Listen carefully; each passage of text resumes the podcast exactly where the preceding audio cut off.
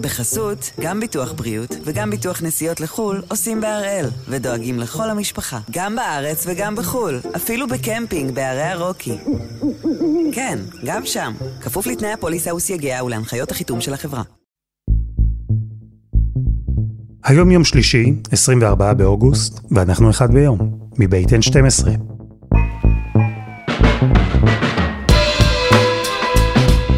אני אלעד שמחיוף, ואנחנו כאן כדי להבין טוב יותר מה קורה סביבנו, סיפור אחד ביום, כל יום.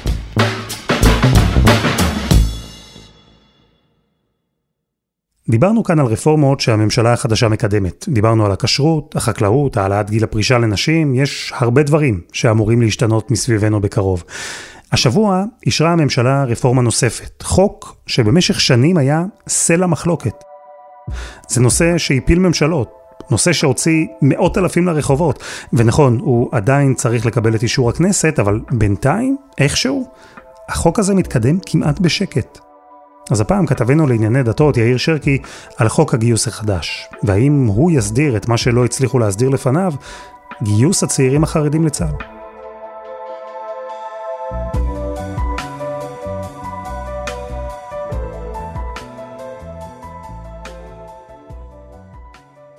שרקי, שלום. אהלן. מה בעצם המצב היום? אני צעיר, חרדי, מגיע לגיל 18, מה זה אומר מבחינתי? שפעם בשנה אתה מגיע ללשכת גיוס ואתה אומר, תורתי אומנותי. במילים פשוטות, התורה היא העבודה שלי. אני רק יושב ולומד, מביא אישור מהישיבה, ואומרים לך, סבבה, אז לא נגייס אותך השנה, תבוא לפה גם בשנה הבאה. וככה עד גיל 24. שש שנים אתה מתייצב, מראה שתורתך אומנותך, מראה את האישור בישיבה, מקבל דחייה של עוד שנה, ובגיל 24 אתה כבר לא צריך לעשות את זה, כי אתה, גם אם החלטת פתאום לעזוב את הישיבה, כבר פטור מגיוס, כי הגעת למה שמכונה, ובטח נשתמש בביטוי הזה היום, גיל הפטור. ומבחינת אותו צעיר חרדי, מה זה אומר? אני צריך ללמוד בישיבה וזהו, לעשות רק את זה? כן, מדינת ישראל אומרת, אני מכירה בערך של לימוד התורה, אני לא מוציאה אנשים שיושבים ולומדים תורה אל הצבא, אבל הסיבה שאתה מקבל פטור זה לא כי אתה חרדי, נגיד בניגוד למגזר הערבי.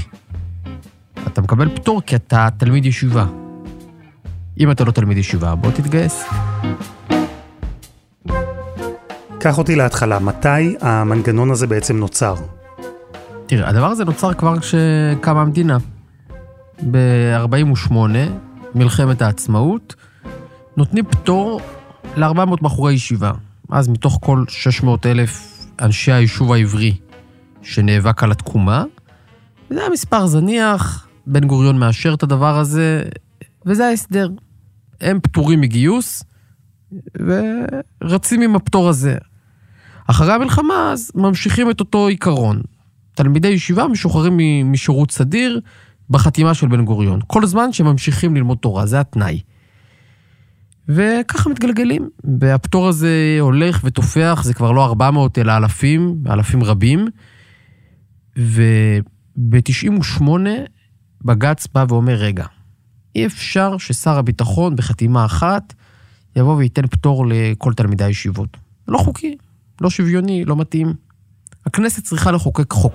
אין שום סיבה שבהלוויות צבאיות יעמדו חיילים לובשי כיפות וחיילים בני עולים מרוסיה וחיילים בני ישיבות ההסדר וחיילים חילונים ולא יעמוד שם אף בן של חרדים. ואז מקימים את uh, ועדת טל בראשות השופט טל, שמחוקקת חוק טל.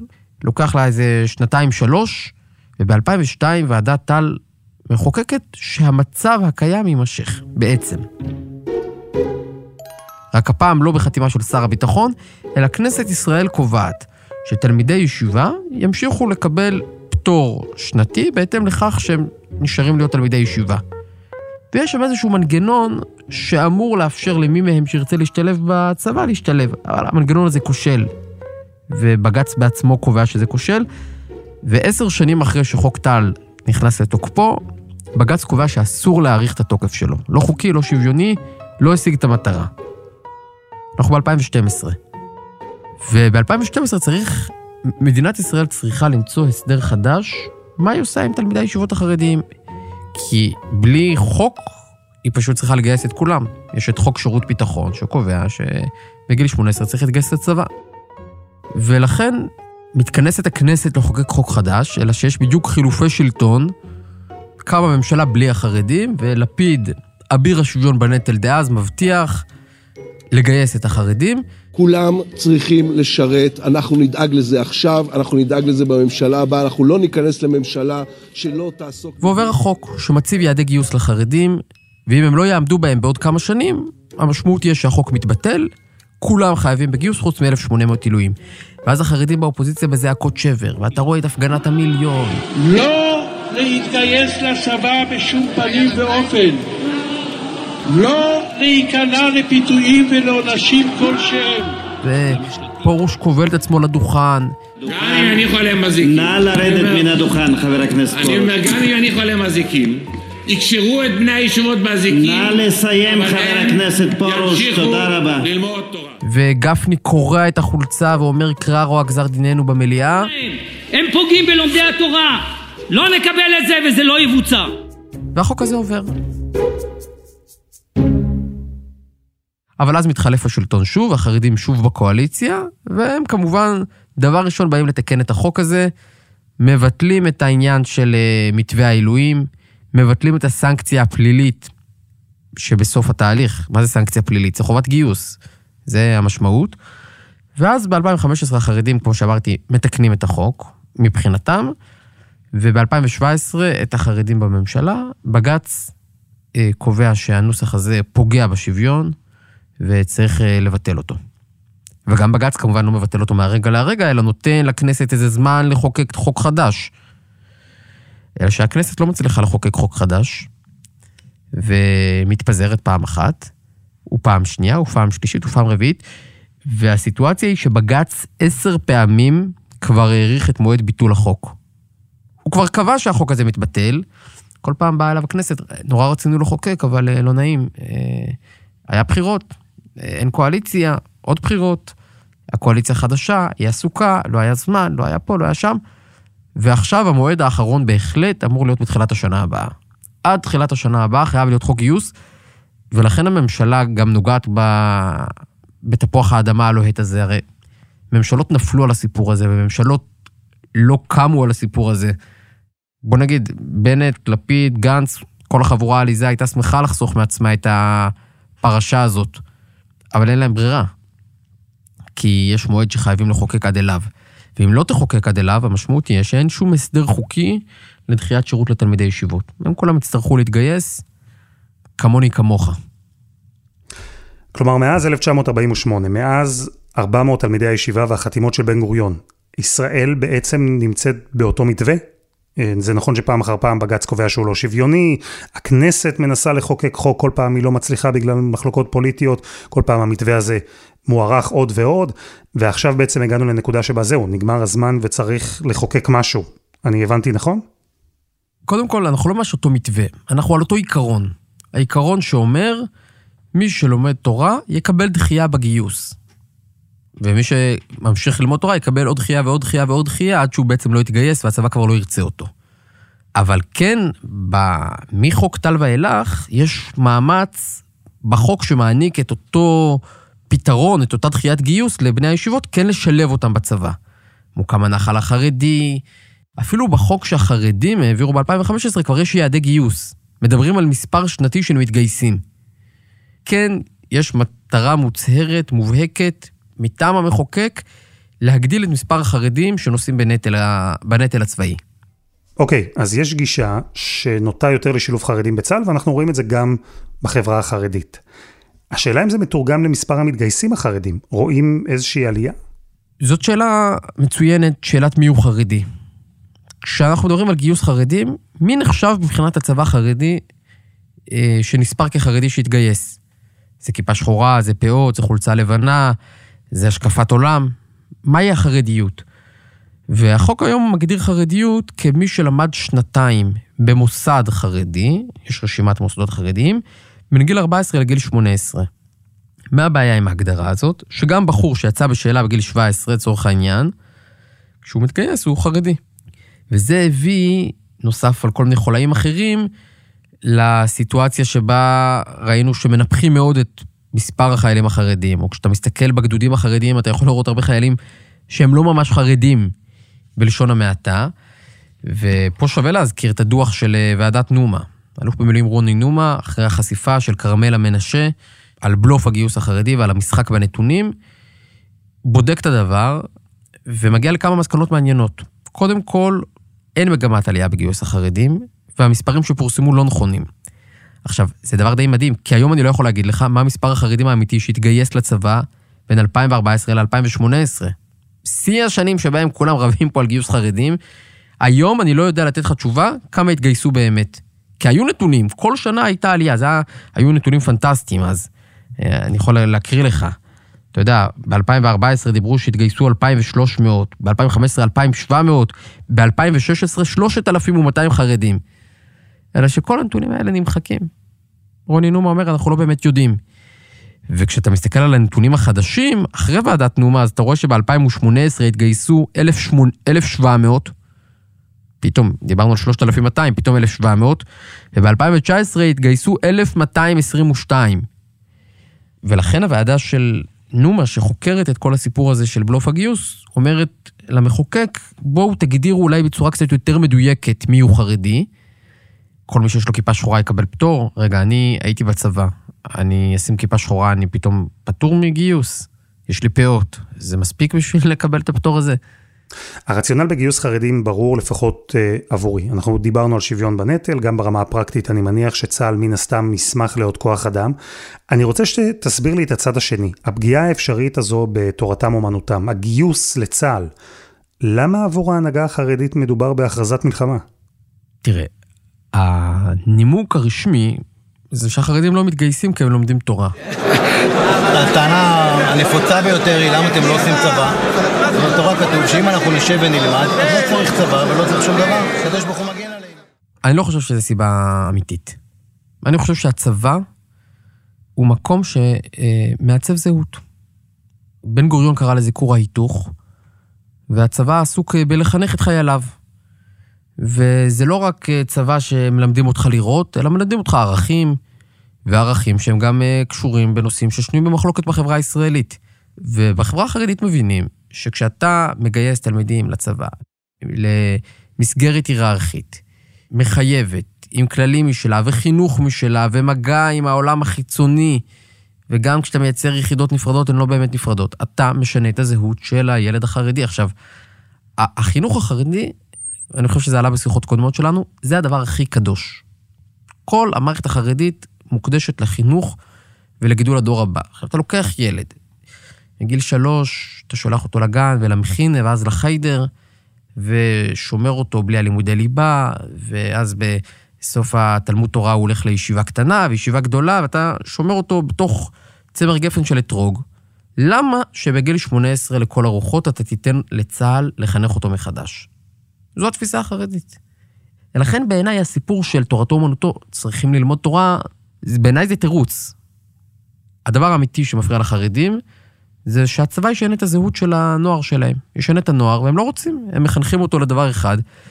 ואיך אמר לי אחד מידידיי החרדים, אני לא רוצה להיות מותח בכור ההיתוך שלך. אני לא רוצה להיות בתוך השקשוקה הישראלית שאתם מנסים לייצר. לא מתאים לנו. אבל בכל זאת יש כאלה שכן מתגייסים, מדברים על בין אלף לאלפיים חרדים שמתגייסים בשנה. מה מניע אותם? תראה, בסוף, כשאני מדבר עם חיילים חרדים, ויש כזה דבר, אני חושב שמה שמניע אותם זה השיקול הכלכלי, זה לא להיות עניים כמו אבא שלהם, זה ללכת להשתלב בחברה הישראלית. הדרך למקצוע עוברת בצבא, הדרך להשתלבות בחברה הישראלית עוברת בצבא, ולכן הם שם. שלב בישיבה הרגשתי שכאילו...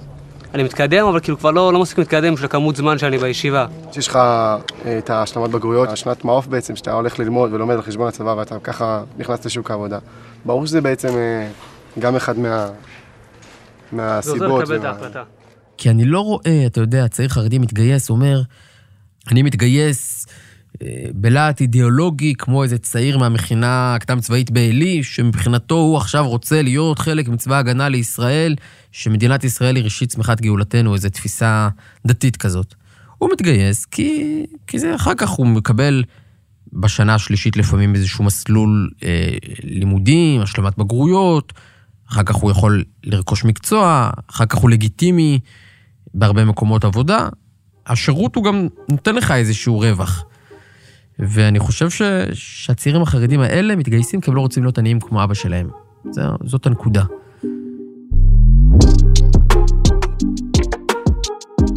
חסות אחת וממש מיד חוזרים.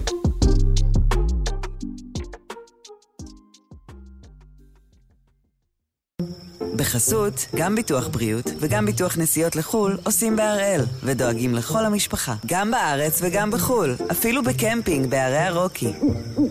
כן, גם שם, כפוף לתנאי הפוליסה וסייגיה ולהנחיות החיתום של החברה. שרקי, דיברנו על הוויכוח סביב גיוס חרדים לצה"ל והמתח הזה שבין הישיבה לבין הצבא, ועכשיו הממשלה אישרה חוק גיוס חדש. מה הוא אומר? תראה, עוד לא לגמרי ברור מה בדיוק יגיד חוק הגיוס החדש, כיוון שעדיין לא ראינו את הנוסחה הסופית שלו. אבל בנט, שהבטיח להוריד את גיל הפטור, קודם כל נאלץ להתפשר בעניין הזה. זה לא ירד לגיל 21 forever, זה ירד לגיל 21 לשנתיים, אחר כך יהיה גיל 23. זה יותר אה, נמוך מהמצב היום, אבל זה לא מה שהוא ביקש. זה נקודה אחת. והחוק עצמו הוא מה שנקרא החוק של מערכת הביטחון. זה חוק שבעצם אומר, ממשיך הסדר הדיחוי של תורתו אומנותו, כשבמקביל כל שנה יש יעד גיוס הולך ועולה. לפי היעדים המעודכנים, אחרי שוועדת נומה גילתה שהמספרים הקודמים היו פייק, אז אנחנו מדברים על בשנה הבאה אלף, כמעט 1,700 חרדים מתגייסים. ואחר כך 1,820, ואחר כך 1,970. ב-2025 אנחנו מדברים על 2,100 חרדים שמתגייסים לצבא. השאלה מה קורה כשלא עומדים ביעד הגיוס. ואז אם בעוד שלוש שנים, אחרי שתסתיים תקופת ההסתגלות, החרדים לא עומדים ביעד הגיוס, יש סנקציה כלכלית. אם נגיד אתה מביא רק 80 אחוז מהיעד, אז הישיבות מאבדות 20 אחוז מהתקציב שלהן. זה אחוז על אחוז. אחוז פחות במתגייסים, אחוז פחות בתקציב הישיבות. איזשהו מודל שאמור לעודד את הישיבות להמשיך ואיכשהו לארגן את זה שיהיה מספיק צעירים שיסכימו להתגייס. עכשיו, אם שלוש שנים רצופות לא עומדים ביעד בפער של יותר מ-85 אחוז, אז מתבטל החוק, אומרים, הבנו, המודל הזה לא עובד, מה שנקרא גיוס לכולם. הורדת גיל הפטור, זה בעצם השינוי שקיבל את רוב תשומת הלב, חלק משמעותי בחוק הזה. מה המשמעות של זה? המשמעות היא שהצעיר החרדי, במקום שיצטרך להתייצב עד גיל 24 ולהביא את הצטלה שהוא לומד בישיבה ולחתום תורתי-אומנותי, כבר בגיל 21 הוא יוכל להפסיק להתייצב ולצאת לעבוד. בלי החשש שאם הוא יוצא לעבוד, או ללמוד לימודים אקדמיים או הכשרה מקצועית, יקבל טלפון מהבקו"ם ויגידו לו, רגע, אנחנו רואים שאתה כבר לא לומד, אז בוא אלינו. אז תן לי לחזור איתך לאותו צעיר חרדי בן 18. עכשיו אומרים לו שבגיל 21 הוא משוחרר מהמחויבות שלו לצה"ל. מה זה אומר מבחינתו? הוא שמח יותר מהמצב החדש? תראה, זאת שאלה טובה, כי באידיאל, אותו צעיר חרדי אכן רוצה לשבת וללמוד תורה. עכשיו, ברור שכשפתאום מדברים על הורדת גיל הפטור, שזה בעצם אומר שכבר בגיל 21 או 22 או 23, הצבא יפסיק לבקש מהצעיר החרדי להגיע ולהצהיר שתורתו אומנותו בתמורה לכך שידחו לו את הגיוס. ויגידו לו, אתה יודע מה, כבר בגיל 21 לא מעניין אותנו. אם עד עכשיו לא באת, לך תעבוד, אנחנו לא בודקים אם אתה לומד או עובד, לצבא כבר לא ניקח אותך. ברור שיש איזשהו פלח בקרב הצעירים החרדים, שזה ישחרר אותם מוקדם יותר מהישיבה, לצאת לעבוד. כמה גדול הפלח הזה? שאלה, יש מחקרים, בנק ישראל הראה פעם שזה יכול לעלות בעשרה אחוז את אה, שיעור הגברים החרדים שמועסקים, זה יכול לשפר בכמעט 20 אחוז את גובה השכר של אותם צעירים חרדים. אז יש איזשהו פלח, אבל זה לא שברגע שאתה תגיד, כולם מגיל 21 אה, פטורים במקום מגיל 24, אז ישפכו לך עשרות אלפי עובדים צעירים אל המשק רעבים. עכשיו, אני אסביר לך עוד משהו. זה גם משפיע על צעיר חרדי, נגיד שהוא אומר, אני לא מוצא את עצמי בישיבה, אבל אני צריך להיות תורתי אומנותו עד גיל 24. אבל הוא לא, הוא רוצה להתפרנס. אין לו ברירה אלא לעבוד בשחור. ומי שהתחיל לעבוד בשחור, מאוד קשה להוציא אותו משם. ומצד שני, גם קשה לו נורא לרכוש אה, הכשרה מקצועית והשכלה, כי עד גיל 24 אסור לו ללמוד משהו שהוא לא לימוד תורה. גיל 24 הוא כבר אבא לאחד או שניים, נגיד, לפחות. ועכשיו עם אחד או שניים שאתה כבר צריך להכיל, תלך לעוד שלוש או ארבע שנות לימוד מקצוע, נגיד באיזה מכללה חרדית, כבר פחות ריאלי, כי אתה כבר צריך להביא את הלחם מחר בבוקר. ולכן, הרבה מאוד כלכלנים רואים בסיפור הזה של גיל הפטור משהו שגם יצמצם עבודה בשחור, גם אה, ישפיע על רכישת אה, אה, הכשרה מקצועית, וכמובן ישפיע על יציאת גברים חרדים לעבודה, וגם כמה הם מרוויחים בעבודה הזאת. האם הם עובדים בעבודה מכניסה מאוד, או בעבודה פשוטה? אז זהו, שיש פה איזה דיסוננס שאני אה, קצת מתקשה להבין. כי מצד אחד, המדינה מורידה את גיל הפטור. כלומר, צה"ל עוזב את הצעירים החרדים בגיל צעיר יותר, משחרר אותם, מוותר להם על שירות שלוש שנים מוקדם יותר. מהצד השני, אם אין את השוט הזה, שאומר שאם הצעיר החרדי מפסיק לפני גיל 24 את הלימודים בישיבה, אז הוא אוטומטית מתגייס, אז תאורטית אותו צעיר חרדי גם משוחרר ממה שקבל אותו לישיבה, הוא יכול לעזוב אותה גם בגיל 21, בלי חשש שיגייסו אותו לצה"ל.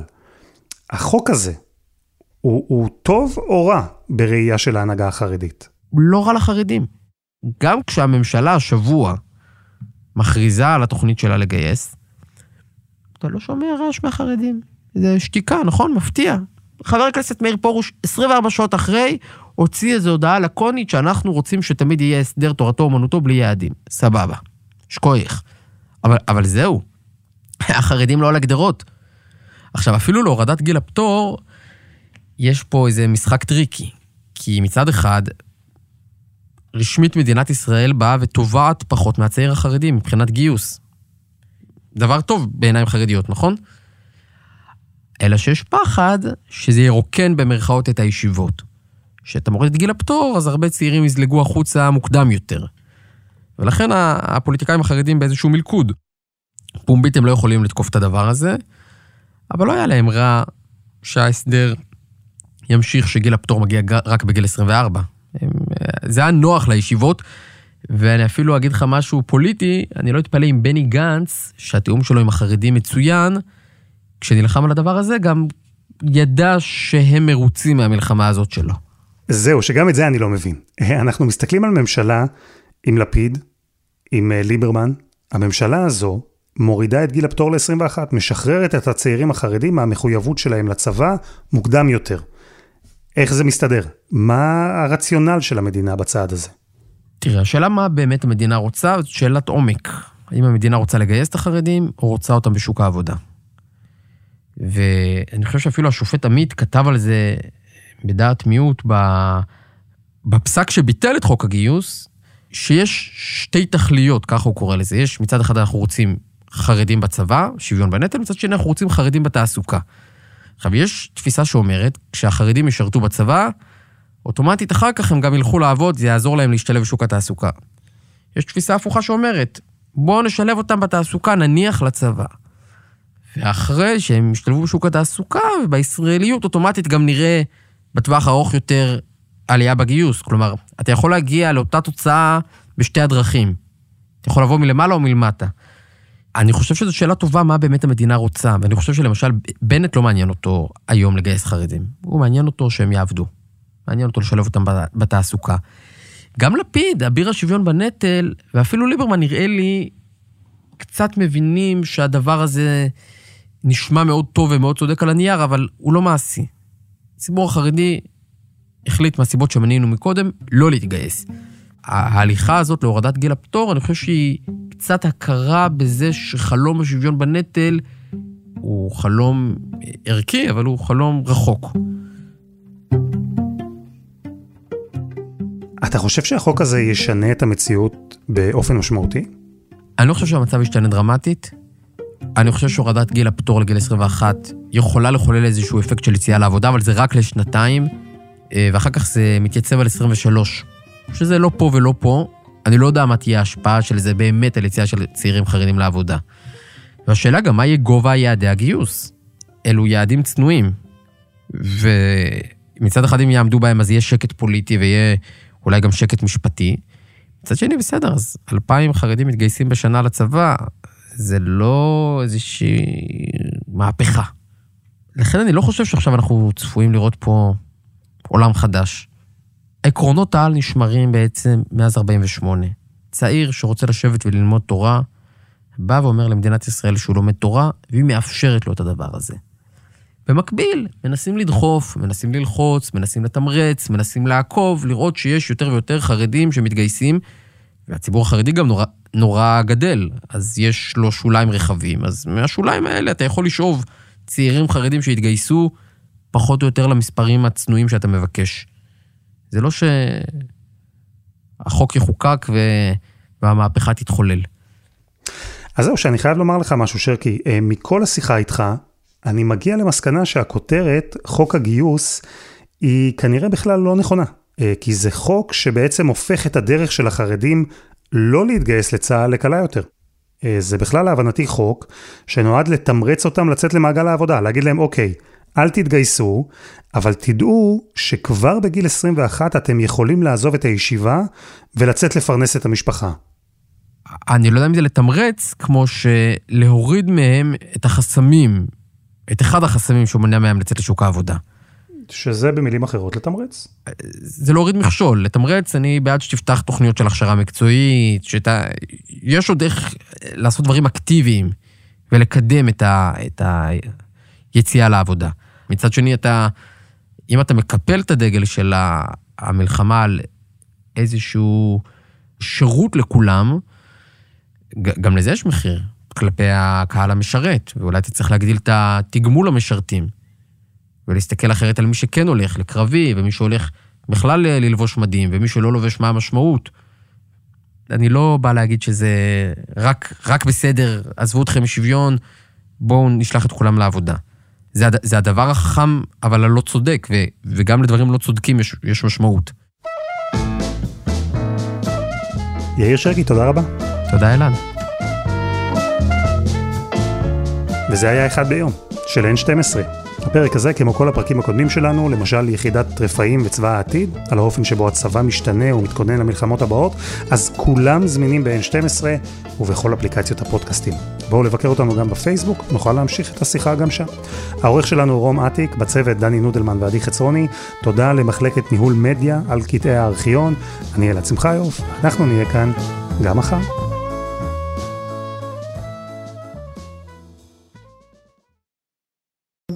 בחסות, גם ביטוח בריאות וגם ביטוח נסיעות לחו"ל עושים בהראל, ודואגים לכל המשפחה, גם בארץ וגם בחו"ל, אפילו בקמפינג בערי הרוקי. כן, גם שם, כפוף לתנאי הפוליסה וסייגיה ולהנחיות החיתום של החברה.